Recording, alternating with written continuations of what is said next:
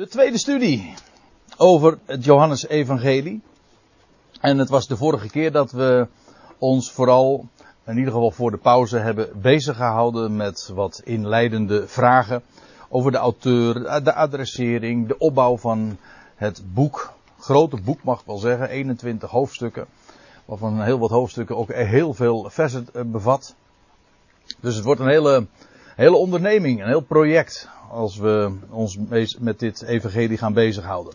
En dat was dan voor de pauze dat we wat inleidende opmerkingen hebben gemaakt. En vervolgens hebben we ons bezig gehouden met die eerste drie versen van Johannes 1. Johannes 1, vers 1 tot en met 18. Dat wordt het, uh, de proloog genoemd van Johannes. En proloog klinkt in dit verband eigenlijk helemaal nog dubbelzinnig ook. Want proloog betekent letterlijk het voorwoord. Maar het gaat hier juist ook inderdaad over uh, het woord. En dat was voor alle dingen. Met recht dus pro-logos. Lo, log, logisch, logos. Het, het, woord voor woord in het Grieks, dat is logos. Ik geloof dat ik dat de vorige keer ook wel heb gezegd. De proloog, en dat is een heel beroemd gedeelte.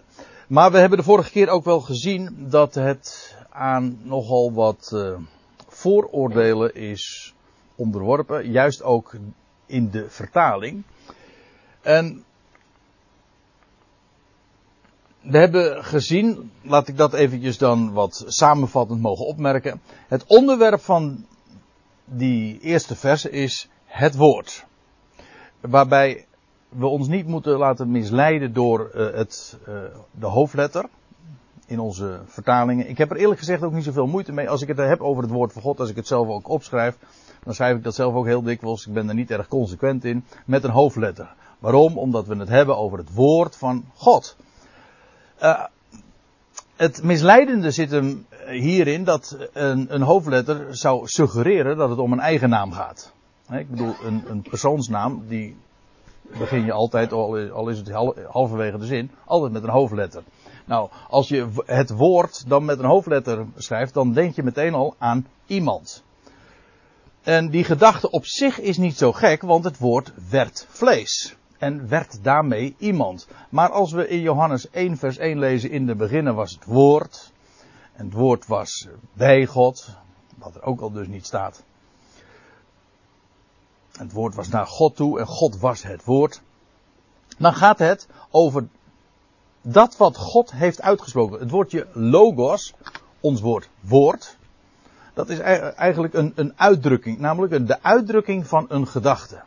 Het kan slaan op een toespraak, op een formule. Het kan zelfs een cijfer, een getal zijn. Gewoon dat wat uitdrukking geeft aan een abstract idee. Het is een uitdrukking, met recht dus een expressie van een gedachte.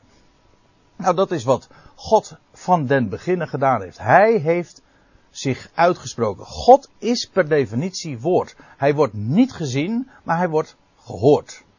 Niemand heeft ooit God gezien. Dat is het slot van eh, de proloog trouwens. Johannes 1 vers 18. Niemand heeft God ooit gezien. Nee, maar hij wordt van den beginnen gehoord. En daarover gaat uh, dat begin van Johannes 1. Het gaat over het woord van God, waardoor alles tot stand kwam. En dan staat er, het woord was naar God toe. Ik ga dat nu natuurlijk allemaal niet meer toelichten, maar dat zijn zo een paar van die highlights uh, die, ik nu, uh, die ik nu nog eventjes dus uh, in de herinnering wil roepen. Er staat in onze vertaling, het woord was bij God. Maar dat, dat lijkt er eigenlijk ook niet, nauwelijks op, op wat er in, in, het origineel staat. Er staat eigenlijk, het woord was naar de God toe. Het wees naar God. Wel, en dat betekent, het woord, dat komt niet alleen van God vandaan. Het komt niet, is niet alleen van God afkomstig. Het woord is door hem gesproken, het woord van God. Maar het keert ook weer terug tot hem. Zoals we zagen in Jezaja, maar er zijn meer plaatsen die op dezelfde gedachte wijzen. Het woord keert terug tot hem en nooit ledig. Het doet wat hem behaagt. Wel, dat is karakteristiek van het woord. Het is uit hem, maar het is ook tot hem. En vervolgens staat er, uh, en het woord was God.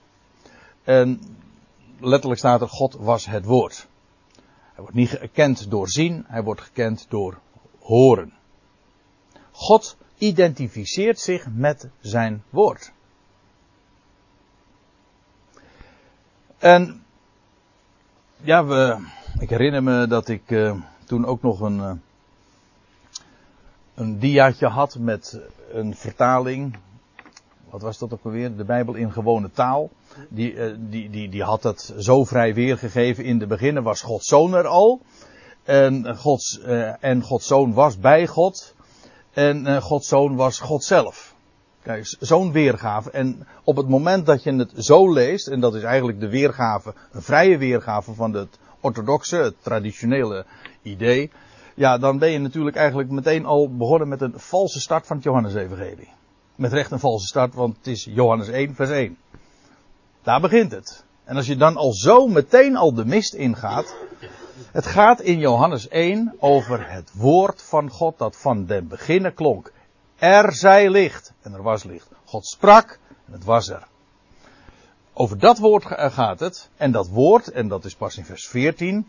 Eigenlijk vind je al aanzetten die we vanavond ook al zullen zien. Uh, in, in eerdere versen. Maar het woord werd vlees. En dan is er sprake van de zoon van God. De enige geborene van de vader. Ja, en dan nog iets uh, heel karakteristiek. Gods woord was en alle dingen werden. Je kunt het goed zien. Uh, ik, ik ga, maar dat is misschien voor jou direct. Ja, nou, ik, ik kan. Ik gewoon iedere keer als de onderschreven. Ja, dat is misschien een beetje lastig als ik nou een beetje zo omzet. En... Dan zie ik de andere kant niet. oh, dus dat schiet niet op. Dat schiet niet op. Nou, nou dan laat ik nee, het gewoon. laat maar gewoon staan, want ja? dan, uh, anders zit je dus. Nou, dat waren zo een paar dingen die we de vorige keer hebben gezien. En dat betekent dat we nu dus verder kunnen gaan bij vers 4. He, nadat er in vers 3 nog ge gezegd was, ik heb het in mijn gebed nog aangehaald. Alle dingen zijn door het woord geworden. En zonder dit is geen ding geworden dat geworden is. Klinkt heel filosofisch haast. Maar het is precies de essentie. Dat is wat Gods woord vermag. Gods woord is alles. Nou, dat is wat vervolgens in vers 4 dan ook uh, naar voren gebracht wordt. In het woord, of eigenlijk staat er gewoon in hem. En dat hem, ja, ik heb het nu zelf ook met een hoofdletter geschreven. Uh, dat suggereert, ook dat is iets wat ik de vorige keer al heb, even heb aangegeven. Waarom staat hier hem? Het is namelijk logos en logos is een mannelijk woord. Het, het, betekent dus niet dat het naar iemand verwijst. Het betekent gewoon dat woord is mannelijk. En dat betekent dus dat het een hij is. In het Nederlands is dat niet zo. In het Nederlands is woord onzijdig. Dan zeg je het. Dus als je het in Nederlands zou moeten zeggen. In, in het was leven. In, in het Grieks moet je zeggen, in hem was leven, want logos is een mannelijk woord. Het zegt dus gewoon iets over het geslacht van het woord, uh, van, uh, van woorden in het algemeen. In het Nederlands speelt dat tegenwoordig niet zo'n hele grote rol meer. Vroeger en in andere talen een hele grote rol. Maar uh, in het Grieks is dat ook heel duidelijk het geval. We zullen dat straks trouwens ook nog zien, want bijvoorbeeld licht, dat is weer een onzijdig woord. Maar goed, in woord was leven. Ja, en leven, dat is net de tegenstelling, de tegenhanger.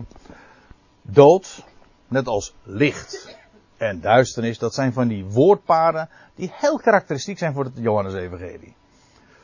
Als je het, het evangelie zelfs vluchtig doorleest, dan, dan moet het je al opvallen dat Johannes heel sterk werkt met dat soort woordparen en dat soort tegenstellingen. In het woord was leven. En we zullen dat nog heel vaak zien. Ik zal u al even, om een, een korte indruk te geven daarvan. In Johannes 6, vers 63. Dan zien we trouwens ook meteen over wat voor leven het gaat. Kijk, je, zou, je kunt natuurlijk zeggen, het woord zelf is leven, want dat is eigenlijk wat er staat. Het woord, in het woord was leven, maar het is ook levenverwekkend. Alle dingen zijn door het woord geworden. Ja, maar ook daardoor uh, is alle leven tot stand gekomen. Door het woord is leven tot stand gekomen. Maar dat leven van het woord, dat blijkt ook opstandingsleven te zijn. Johannes 6, vers 63. U ziet, een heel lang hoofdstuk. En daar staat er, de geest is het die levend maakt. Het vlees doet geen nut. De woorden, zegt de Heer Jezus dan, die ik tot u gesproken heb, zijn geest en leven. Ja, leven is in die woorden gelegen die hij spreekt. Geest maakt levend. Als je de geest ontvangt, ontvang je leven. Geest en leven zijn vaak ook heel synonieme begrippen. Als je geest krijgt, dan ontvang je leven. Als je leeft, dan heb je de geest. En als je sterft, dan geef je, dan geef je de geest dus weer.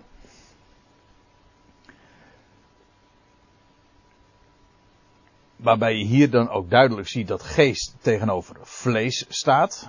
Dat wil zeggen dat wat God produceert en geeft aan kracht en inwerkt. Dat staat tegenover dat wat de mens, het vlees, uh, representeert. Nou, dat doet als het hier om gaat, als het gaat om het echte leven, totaal geen nut. Nee, het is allemaal gelegen in de woorden. De woorden van Hem. En dat is, ja, als je zo ook uh, met, met dat besef de schriften tot je neemt, dat, is maar niet, dat zijn maar geen lettertjes. Dat is leven. Dat is gewoon puur, het is leven dat op schrift gesteld is. Een levend woord, krachtig woord. Neem dat woord in, in, uh, in de mond en je zult de kracht daarvan ervaren.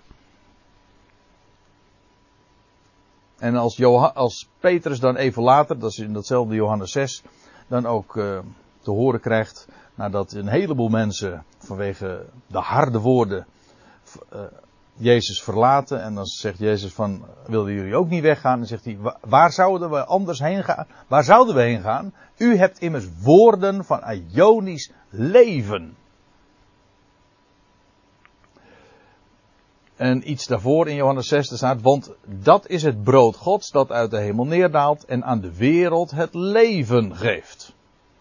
Is ook weer zo'n um, prachtige, geweldige, universeel perspectief dat ons hier geschilderd wordt. Dat brood dat God geeft, dat is leven. Want u weet, een mens zal van brood alleen niet leven, maar van alle woord dat uit de mond Gods uitgaat. Heb je het weer. Hoe leeft een mens? Van alle woord dat uit de mond Gods uitgaat. En brood is daar slechts een type van, een beeld van. En dat geeft aan de wereld niet minder het leven. Johannes 11, vers 25. Dat is bij het graf van Lazarus dat de Heer Jezus zegt: Ik ben. Daar zit de godsnaam al in verborgen, die klinkt daarin door. Ik ben de opstanding en het leven. Oftewel, het opstandingsleven. Het leven van de opstanding. En waarachtig, wat gebeurt er? Dan zegt hij bij dat graf: Lazarus, kom uit. En wat gebeurt er? Alleen die woorden waren genoeg om Lazarus tot leven te wekken. In het woord was leven. En dat demonstreerde de Heer daar gewoon ter plekke. Toen hij dat uh, gezegd had opstandingsleven. Nou, bekend zijn ook deze woorden, Johannes 14, vers 6 in de opperzaal, dat hij dit zegt. Ik ben, ook hier weer, ook weer zo'n karakteristieke formuleer, formulering in het Johannesevangelie, de ik ben uitspraak. Ik heb de vorige keer er ook al even op gewezen, van ik ben de goede herder, ik ben de ware wijnstok, ik ben de deur der schapen, etc. De goede herder. Ja? Uh, de er zijn ook mensen die zeggen dat hier Jezus zegt dat hij God zelf is. Ja, dat is dus weer die ja, doorredenering. Het, hij, is het, hij representeert God. Mm -hmm. Hij is van God gezonden, hij is het woord van God. En wie, hem ziet, uh, hij zegt ook, niemand, ik ben de weg, de waarheid en het leven. Niemand komt tot de Vader dan door mij. Want wie mij gezien heeft, heeft de Vader gezien. Hij is niet de Vader, maar wie hem ziet, Niemand heeft God ooit gezien, maar wie hem ziet, ziet de Vader. Als representant, als beeld. De, het, het beeld van God. De ex, of het woord, de expressie van God. Dus die, dat ik ben, dat verwijst absoluut naar God. Dat kan niet missen. Maar daarmee is hij niet de vader. Nee, hij is de zoon van God. Ik ben de weg, de waarheid, het leven. Ik ben de waarachtige weg, of de waarachtig levende weg. Als je het allemaal samenvoegt, krijg je dat dan. Nou, daar komen we allemaal TZT nog wel eens op. Maar dit even om u een indruk te geven van wat er dan staat in Johannes 1 vers 4. In het woord was leven. Hier, let op trouwens, was. Niet omdat er nu niet, geen leven meer in zou zijn, zou zijn ehm, maar uiteraard omdat hier gekeken wordt naar het verleden. Vanaf den beginnen was al in dat woord leven. En het leven was het licht der mensen. Ging het tot dusver vooral ook over de schepping. Alle dingen zijn door het woord geworden. Nu zien we hier ook het, eh, de mensenwereld. En de, de functie die het woord had voor, uh, voor de mensenwereld. Er staat dat leven, namelijk in dat gelegen is in het woord. Wel, dat leven dat was het licht der mensen. Leven en licht, dat is dus eigenlijk ook weer synoniem. Het leven was het licht der mensen. Leven is namelijk licht. En licht is leven, want eh, er bestaat geen leven zonder licht. En op, wat dacht u wat? Nu het voorjaar wordt, waarom is dat? Dat komt puur omdat de dagen weer lengen en het licht sterker is dan de duisternis. En dat, nou, wat gebeurt er dan? Dan ontwaakt het leven. Dat is wat je in de natuur ook gedemonstreerd ziet. Alle dingen zijn uit het woord geworden, dus wat zie je vervolgens in alle dingen ge, getentoongesteld? Ja, dat waar het woord van spreekt. Het is, de, de, de dingen zijn her, daarin is de handtekening van de schepper eh, gelegen. Het leven is licht. En daarmee, daaruit volgt dus dat als je die tegenstellingen gewoon heel logisch hanteert, dan krijg je. Goedenavond, Ari. Leven is licht. Wel, eh, daaruit volgt logischerwijs duisternis is dood. Ook dat is een bekend Bijbelse gedachte. Ik denk aan de bekende psalm, psalm 23. Er wordt gesproken over, in het Hebreeuws is dat één woord, over schaduwen des doods. Dus waar licht is, is leven. Maar omgekeerd dood, dat is schaduw. Oftewel het ontbreken van licht. duisternis is trouwens niks anders dan het ontbreken van licht. En dat is dood. Ook daar zullen we nog in het Johannes-evangelie veel voorbeelden van zien. Maar wat dacht u van deze? Feitelijk, als hier staat, het woord was leven en het leven. Ja, ja. We geven Bijbels. Bijbelstudie in een winkel, dat, daar komen we wel achter.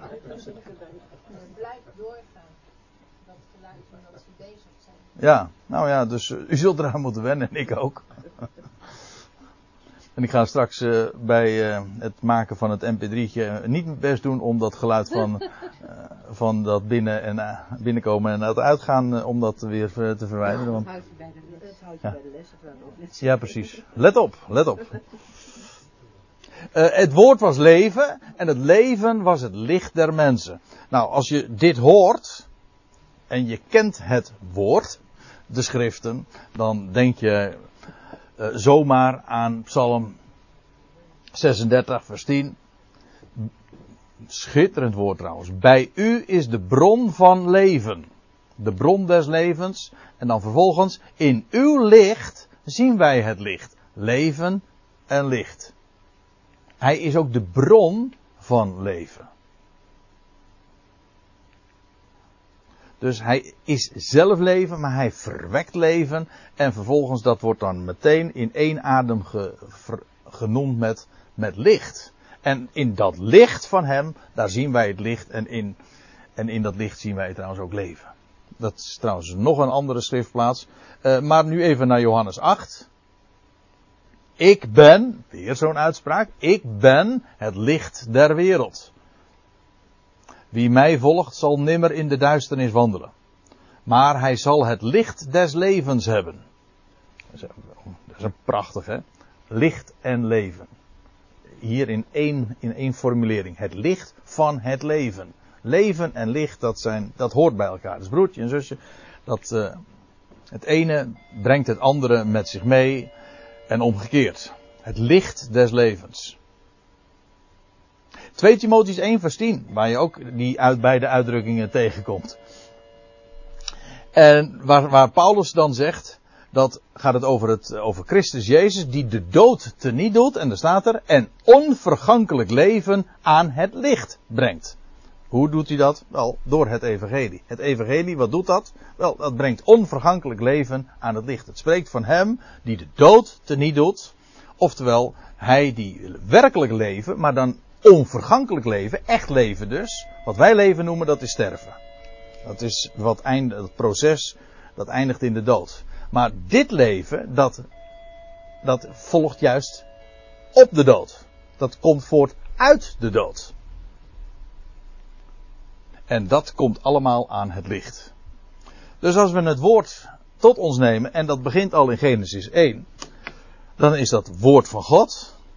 En dat is, dan getuigt dat altijd al, meteen op de eerste bladzijde al, van het leven dat aan het licht komt. De eerste, de eerste keer dat er sprake is van leven, dat is op de derde dag. Hm? Trouwens ook als de, land uit de wateren komt, oftewel er komt uh, uit de, de doodswateren komt leven voort. Wel, heel de Bijbel spreekt daarvan. En dat is juist ook het licht. Dat geweldige, alles in die schrift is leven, getuigd van leven. En dat is, en dan, dan zeggen wij met de psalmist, in dat licht zien wij het licht. En leven. En daar ga je, wat, dacht je wat, daar ga je van stralen. Dat is namelijk echt leven.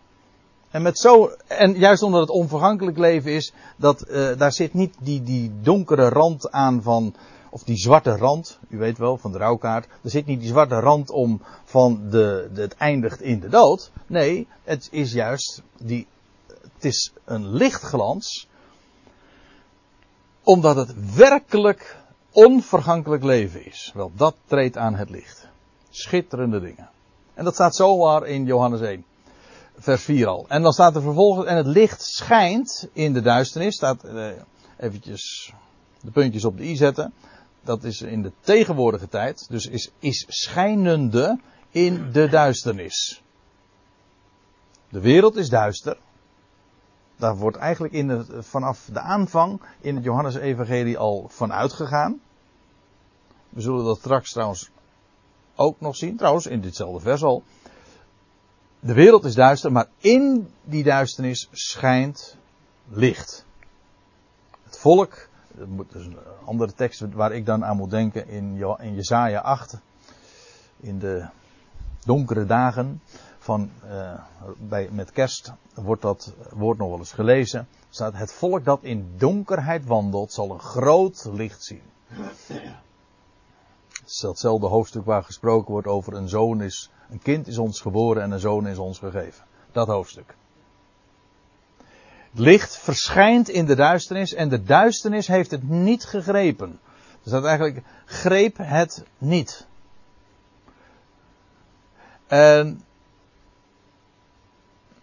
ja, dat is heel vaak zo, dan wordt het als een perfectum, zoals het heet, een voltooid deel wordt weer, weergegeven. Maar er staat gewoon, greep het niet. Oh, het is een, een onvoltooide handeling in de verleden tijd. De duisternis heeft het niet gegrepen, ook niet begrepen. En wat dacht u in Johannes 3, vers 19? Dat, we zullen dat uh, nog wel vaker zien in deze proloog. Maar ja, dat is ook typerend voor een proloog. Dat, daarin zie je eigenlijk al de culturen van de rest van het boek.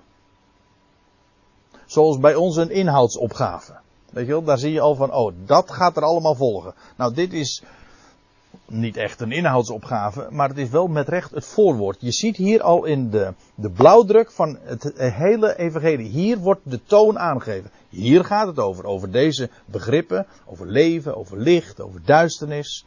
Over de duisternis die niet gegrepen heeft. Over het woord, etc. Johannes 3 vers 19, daar lees je. Dit is het oordeel. Dat is mooi, moet je onthouden. Wat is het oordeel? Dubbele punt. Nou ja, uh, in dit geval een komma, maar je zou ook een dubbele punt. In, dit is het oordeel. Het licht is in de wereld gekomen. Of dat het licht in de wereld gekomen is, laat ik het uh, lezen zoals het er in de MBG staat. Dat het licht in de wereld gekomen is en de mensen de duisternis liever gehad hebben dan het licht. Waarom? Want hun werken waren boos. Die, dat kon het daglicht niet velen. Dan moet ik denken aan een woord. En die, die uh, citeer ik nog wel eens. Eh, vind ik altijd een heel treffend woord. Ik heb hem ooit gelezen in het boek van. Jij kent hem ook, uh, van P. de Bruin. Geen geloof zonder bewijs. En daar staat. Wie kent het boek? Een schitterend boek trouwens. En daar staat in het. op de, op de tweede pagina zo'n pracht, prachtige tekst. De leugen vreest het bewijs. Waarom? Omdat het bewijs de waarheid aan het licht brengt. Daarom. Het is zo geweldig als je het bewijs hebt. Wat, wat doet het bewijs? Nou, het bewijs laat de waarheid zien. Dat brengt het aan het licht. Ja, maar als je wat te verbergen hebt, dan, uh, dan ben je daar helemaal niet op gesteld. Op dat licht. We lezen verder. Er trad een mens op, letterlijk eigenlijk er werd een mens. En ook hier wordt hetzelfde woord gebruikt als wat in het begin ook gebruikt werd. Hè? Alle dingen werden. Er, er werd een mens, of in Nederlands wat, wat luchtiger, wat makkelijker, wat eigen tijdser weergegeven. Er trad een mens op, van God gezonden. Letterlijk staat er, u ziet het hier in de, in de interlineair. Letterlijk staat er afgevaardigd zijnde bij God. Hier staat het woordje apostello. En waarin wij, waar je in je direct uiteraard het woordje apostel herkent. Maar een apostel is ook niks anders dan een afgevaardigde. Hij was eh, naast of bij God. Die mens die, die, die werd, die trad op. En hij was afgevaardigd van God. Direct. En zijn naam was, wiens naam was Johannes. En dat is dezelfde naam dus als degene die dit boek heeft geschreven. En in, ik beschouw dat niet als toeval. De schrijver van dit boek heet Johannes. Ja. En die brengt, die brengt dit allemaal ter sprake en die heeft dit opgetekend. Maar hij, als eerste heeft hij het over een mens. En die, die mens die heette ook al Johannes. En die, waarom is dat zoveel zeggend? Wel, die naam betekent Jochanan. Ik geloof dat ik het de vorige keer trouwens ook al even gezegd heb. Jochanan, dat is de, Hebreeuwse uitspraak. En die naam betekent Yahweh is genadig. Schitterende naam. En ik kom er later, of het vanavond zal zijn, weet ik niet, maar als we zijn bij vers. Wat is het? 16, 17, ja, 16 en 17. Dan, uh, dan, dan wijs ik er ook nog wel eventjes op. Maar zijn naam was Johannes. Nou, dat is een prachtige introductie met recht van degene over wie het nou allemaal gaat. Johannes is ook niks anders. Het gaat hier uiteraard over Johannes de Doper. Maar wat, wat was hij? Een wegbereider van Yahweh. Een wegbereider des Heren. Hij kondigde hem aan. Hij is de intro van hem die zou komen. En wie zou komen? Wel, hij in wie God zou demonstreren dat Yahweh genadig is. En uit zijn volheid hebben wij ontvangen genade op genade. En dat is dus inderdaad vers 16. En deze kwam als getuige letterlijk staat er trouwens tot, uh, tot getuigenverklaring. Als u een statenvertaling hebt, dan staat er tot, tot een getuigenis.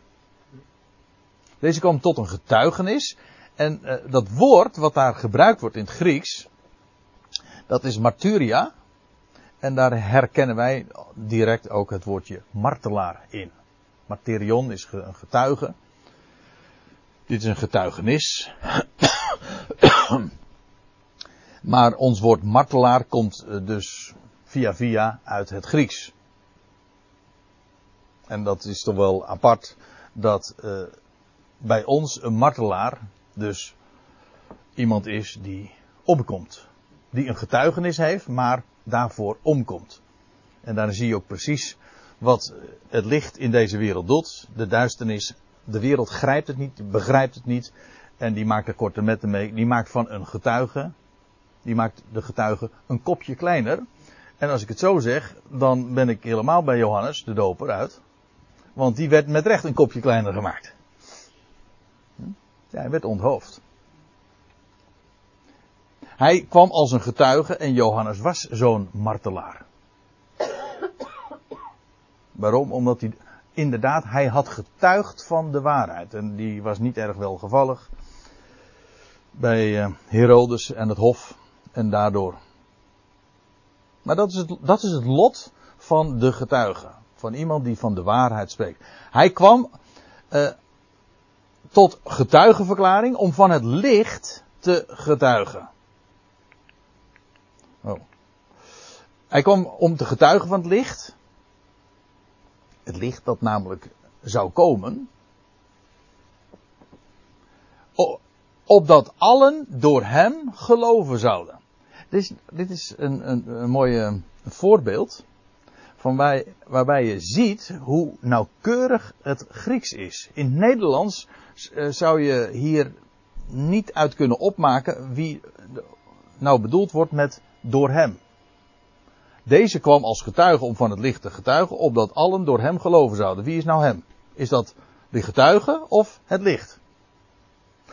Nou, je zou zomaar denken, dat is Johannes, maar in het Grieks is dat duidelijk. Dan is het, uh, het is namelijk onzijdig woord. En dat verwijst dus naar licht. Licht is namelijk ook een onzijdig woord. Het, de taal waarin het Nieuwe Testament is opgetekend is zo enorm nauwkeurig. Een nauwkeurigheid die je in het Nederlands niet eens kunt weergeven. Dat moet je echt even toelichten. Vooral ook als het gaat om dat soort uh, verwijzingen naar mannelijke, onzijdige of vrouwelijke woorden. Opdat allen door hem, dat wil zeggen, of door hetzelfde, eh, door hem kun je sowieso niet zeggen, want het is een onzijdig woord. Opdat allen door hetzelfde, dat klinkt heel oud-Nederlands natuurlijk, maar goed, vergeef me, opdat alle door hetzelfde geloven zouden. Hier weer dat universele perspectief. Het licht gaat alle mensen verlichten. Dat uh, verzin ik niet, dat, dat wordt hier eigenlijk al ge, uh, naar voren gebracht. Allen zouden eraan gaan geloven door het licht. Maar we zullen het straks ook even een, een of twee versen verder ook gewoon letterlijk zo zien. Hij, Johannes, was het licht niet. Vergis je niet, hij was slechts een wegbereider daarvan.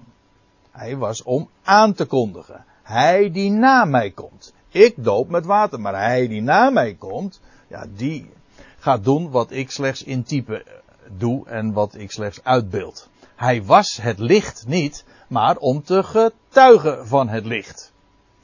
Ik heb daarover nagedacht en dat is op zich toch wat vreemd. Eh, om dat zo te zeggen. En ik zie hierin al een, uh, een hint naar wat later in het Johannes-evangelie ook naar voren gebracht wordt. Namelijk dat het volk van Israël blind geboren is. Want ja, wat heb je eraan om aan licht als je blind geboren bent? Als je blind bent. Dan kun je dat licht niet zien. Dus wat heb je dan nodig? Iemand die getuigt van het licht. Die daarvan spreekt. We zullen het uh, daar over die waarheid, over het onvermogen, in, speciaal van Israël, maar van de wereld in het algemeen, om het licht te zien. Zullen we het uh, nog uitgebreid hebben. Maar ik, hier zie je dus ook alweer zo'n zo'n hint, zo'n pardon, een aanwijzing naar die waarheid die later uitge- uitgebreid in het boek wordt behandeld. Namelijk dat het volk blind is. Ziende blind. Ho- en trouwens ook horende doof, dat moet ik er ook nog weer bij zeggen. Maar hoe dan ook. Hij was het licht niet, maar was wel om te getuigen van het licht. Het waarachtige licht, en daar doelde ik zojuist op. Het waarachtige licht, vers 9. Dat ieder mens verlicht. Dat was komende in de wereld. Het gaat hier nog steeds over het perspectief van Johannes, die daar in de Jordaan doopte. En die het volk eh, predikte en herautte en dat ook uitbeelde. Wel, hij getuigde van hem die na hem zou komen. We zullen dat trouwens nog uitgebreid zien in, eh, in ditzelfde hoofdstuk, Johannes 1. Daar gaat het over Johannes, die wijst op, op zijn neef Jezus. Ja, en hij was een. We weten, er zat een half jaar verschil tussen Johannes en Jezus. Zes maanden. Dat is een heel mooi verhaal. Waar we het misschien nog over eh, bij een andere gelegenheid een keertje gaan hebben. Maar in elk geval, hij, Jezus was een half jaar jonger. Maar in werkelijkheid, en dat is wat Johannes zegt, hij die na mij kwam, zal, of hij, hij die na mij komt, die was voor, voor mij. Johannes 1 vers 15, ja.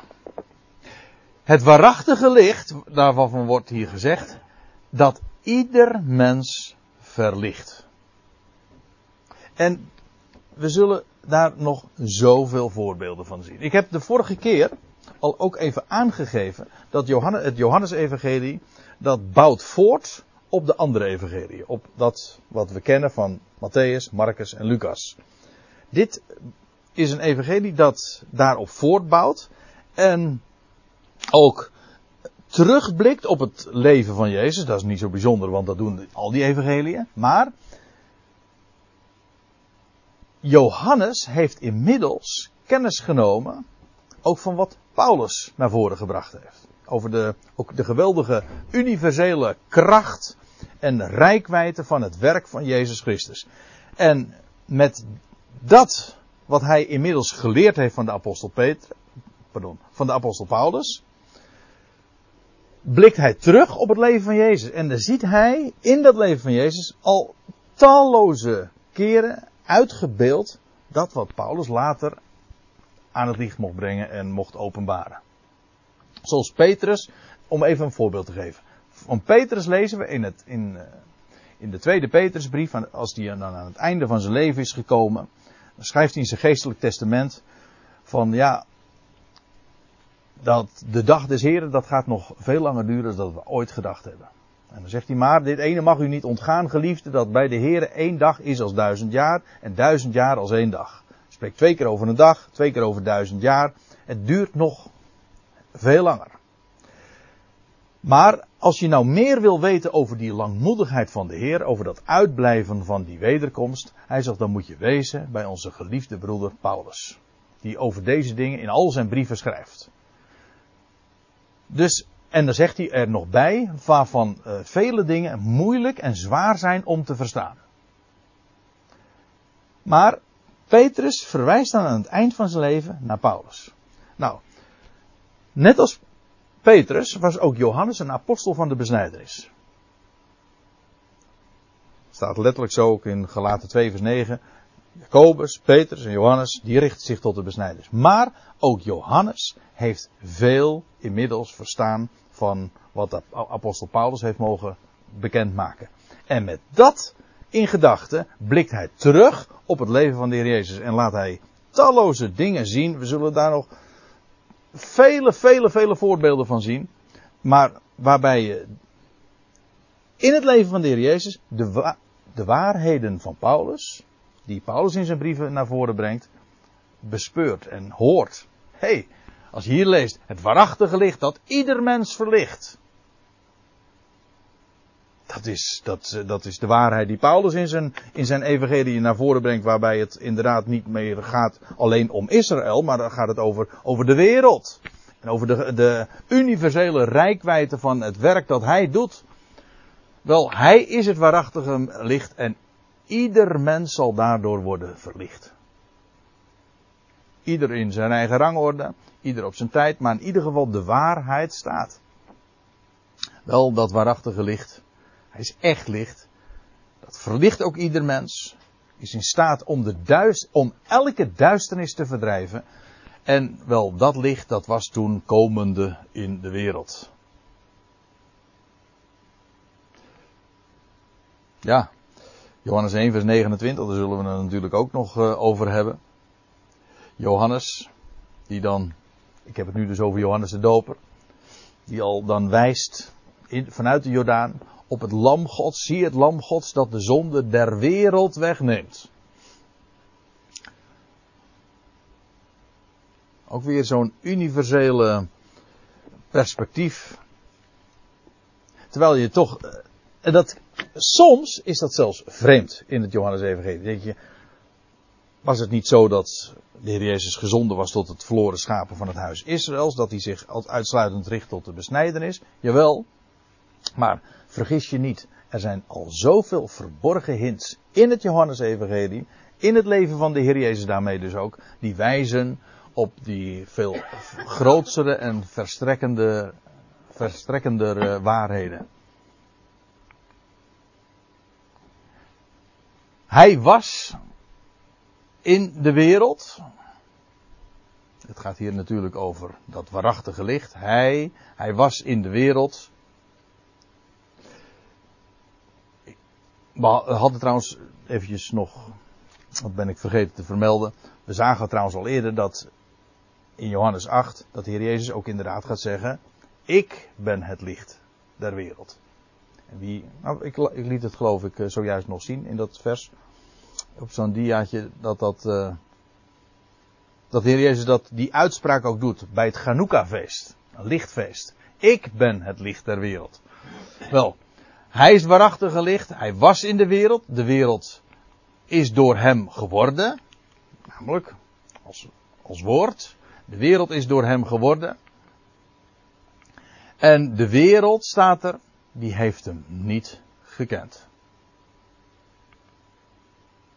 of ook hier weer, de wereld kende hem niet. Dit is een heel, heel onlogisch. Als je, als je het zo leest. Hij was in de wereld. De wereld werd door hem. En toch, hij kwam in de wereld en de wereld kende hem niet. Hoe is dat? Nou, dat komt omdat die wereld in de duisternis is. En dat zagen we ook. En de duisternis heeft het niet gegrepen. Hij kwam, vers 11, hij kwam tot het zijne.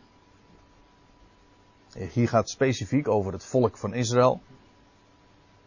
Waartoe hij gezonden was.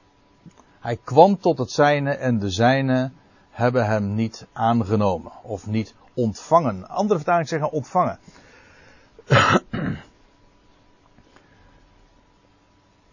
of accepteerde hem niet. De gedachte is dus in ontvangst nemen.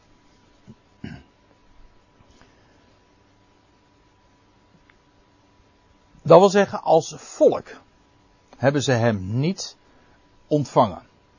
In ontvangst genomen. En als natie, de, de leidslieden hebben hem afgewezen. Nationaal hebben ze hem uh, niet ontvangen en helden ze uiteindelijk slechts een kruis voor hem over. Dat hebben de zijnen met hem gedaan. Het is gewoon een historisch gegeven. Ze accepteerden hem niet. En als Johannes, hè, moet je er even aandenken. Johannes, die dit tientallen jaren later optekent, kon dit zo ook schrijven, omdat er inmiddels aan de situatie nog niets was gewijzigd. Ooit de Jezus accepteerden ze niet. En in die dagen dat hij dit optekende, tientallen jaren, decennia na de opstanding van Christus, was het volk nog steeds in duisternis. Neemt niet weg, hij is het waarachtige licht en elk mens wordt door hem verlicht. En ook het volk zal tot die erkenning komen. Maar ook dat zullen we straks nog wel, of straks in ieder geval in het Johannes-evangelie, eh, tegenkomen.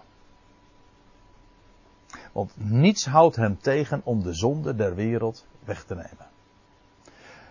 Hier is het nog, de zijnen hebben hem niet in ontvangst genomen, accepteerden hem niet.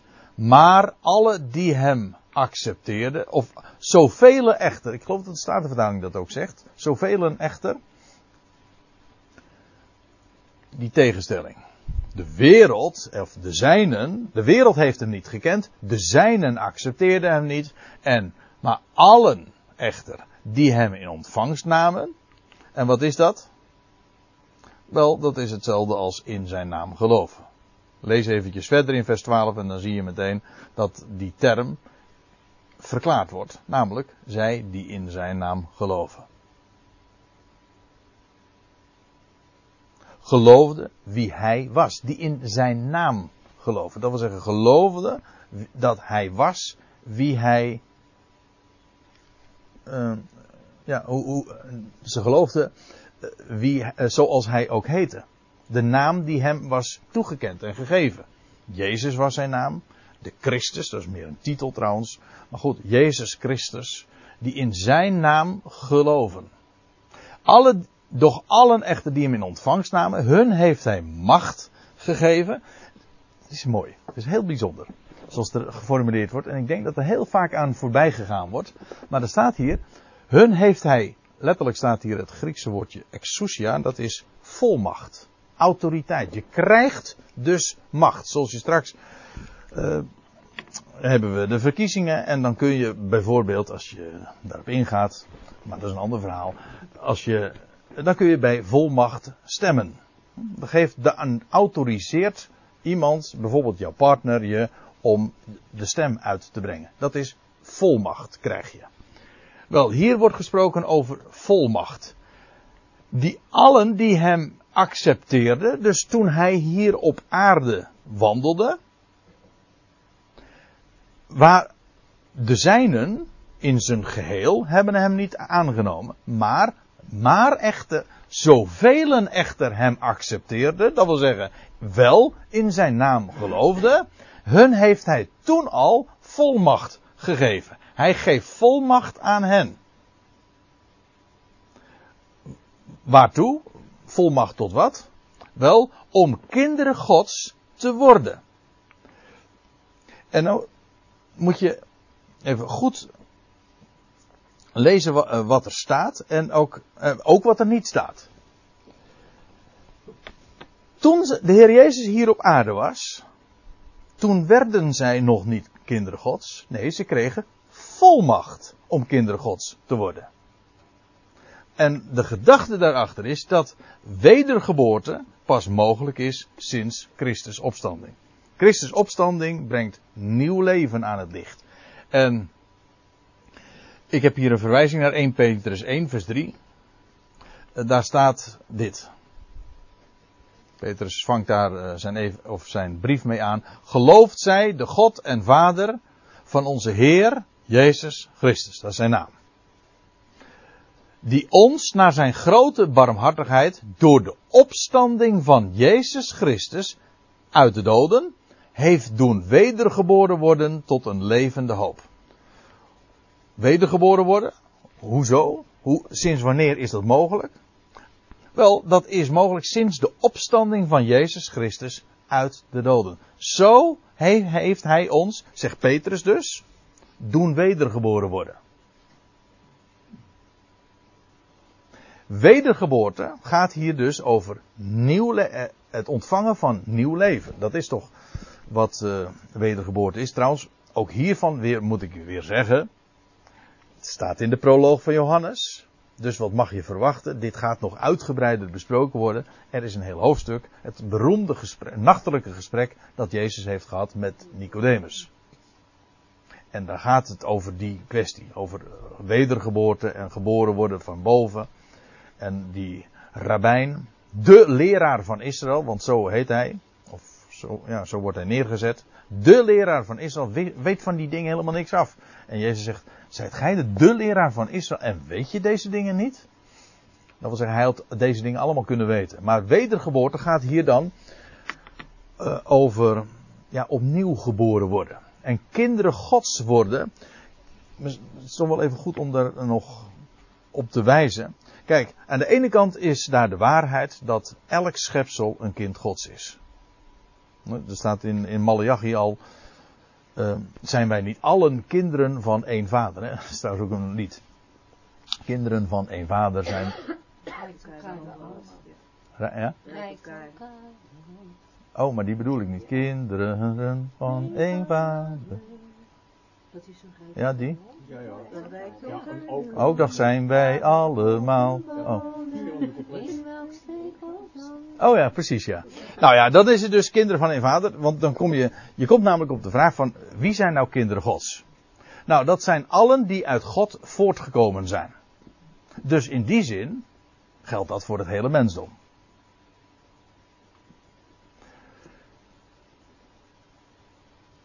Dan is in die zin God dus de vader van heel zijn schepping. Maar als we het hebben over de nieuwe schepping, ja, dan kun je niet zeggen dat ieder een kind van God is dan. En daarover heeft juist Johannes het, het over kinderen Gods, namelijk kinderen die nieuw leven hebben ontvangen, het leven van de nieuwe schepping. En dan gaat het over, over leven dat voortkomt uit de dood. En zoals je hier ook ziet, sinds de opstanding van Jezus Christus is er daadwerkelijk nieuw leven. En ieder die dat leven ontvangt, wel, die is een kind Gods. Maar u begrijpt, de Heer Jezus getuigde daar al van tijdens zijn leven hier op aarde. Dat hij, op, hij zegt, ik ben de opstanding en het leven. Wie in mij gelooft zal, zal leven. Ja, maar hij was nog steeds niet opgestaan. Dat opstandingsleven was nog niet aan het licht gekomen. Maar allen die toen hij hier op aarde rondwandelde, in zijn naam geloofden, die heeft hij al volmacht gegeven om kinderen gods te worden. Namelijk zij die in zijn naam geloven. Ze, konden het nog niet zijn, want er, ze konden nog geen kinderen God zijn. Ze konden nog geen nieuw leven uit God ontvangen hebben. Waarom? Omdat Jezus Christus nog niet was opgestaan. Trouwens, terwijl ik het zeg, en dan moeten we echt maar even gaan pauzeren, maar in Johannes 7, ik heb er geen diaatje van, maar het schiet me ter plekke te binnen. Dan staat in Johannes 7, vers 38. Wie in mij gelooft, gelijk de schrift zegt, dat zegt de Heer Jezus dus, ook trouwens op, op het tempelplein. Wie in mij gelooft, gelijk de schrift zegt, stromen van levend water zullen uit zijn binnenste vloeien. En dit zeide hij van de geest, leven, welke zij die tot geloof in hem kwamen, ontvangen zouden, want de geest was er nog niet, dat leven dus, wat hij te geven had. De geest was er nog niet, omdat Jezus nog niet verheerlijk was. Met andere woorden, hij refereert daarbij aan dingen die binnenkort, namelijk nadat hij verheerlijk was, nadat hij opgestaan was uit de doden, zouden die dingen zijn beslag krijgen. Zouden ze met recht de geest krijgen en dus het leven. Wel, daarover gaat het hier. Een kind van God worden, de geest krijgen, nieuw leven krijgen. Het zijn allemaal verschillende aanduidingen, maar uiteindelijk is het allemaal exact hetzelfde. Wel, hier op aarde, of tijdens zijn wandeling op aarde, hebben zij volmacht gekregen om kinderen Gods te worden. En ze werden het daadwerkelijk toen hij opstond uit de doden. Daar gaan we straks op door. En ik stel voor dat we eerst eventjes uh, een kopje koffie gaan drinken.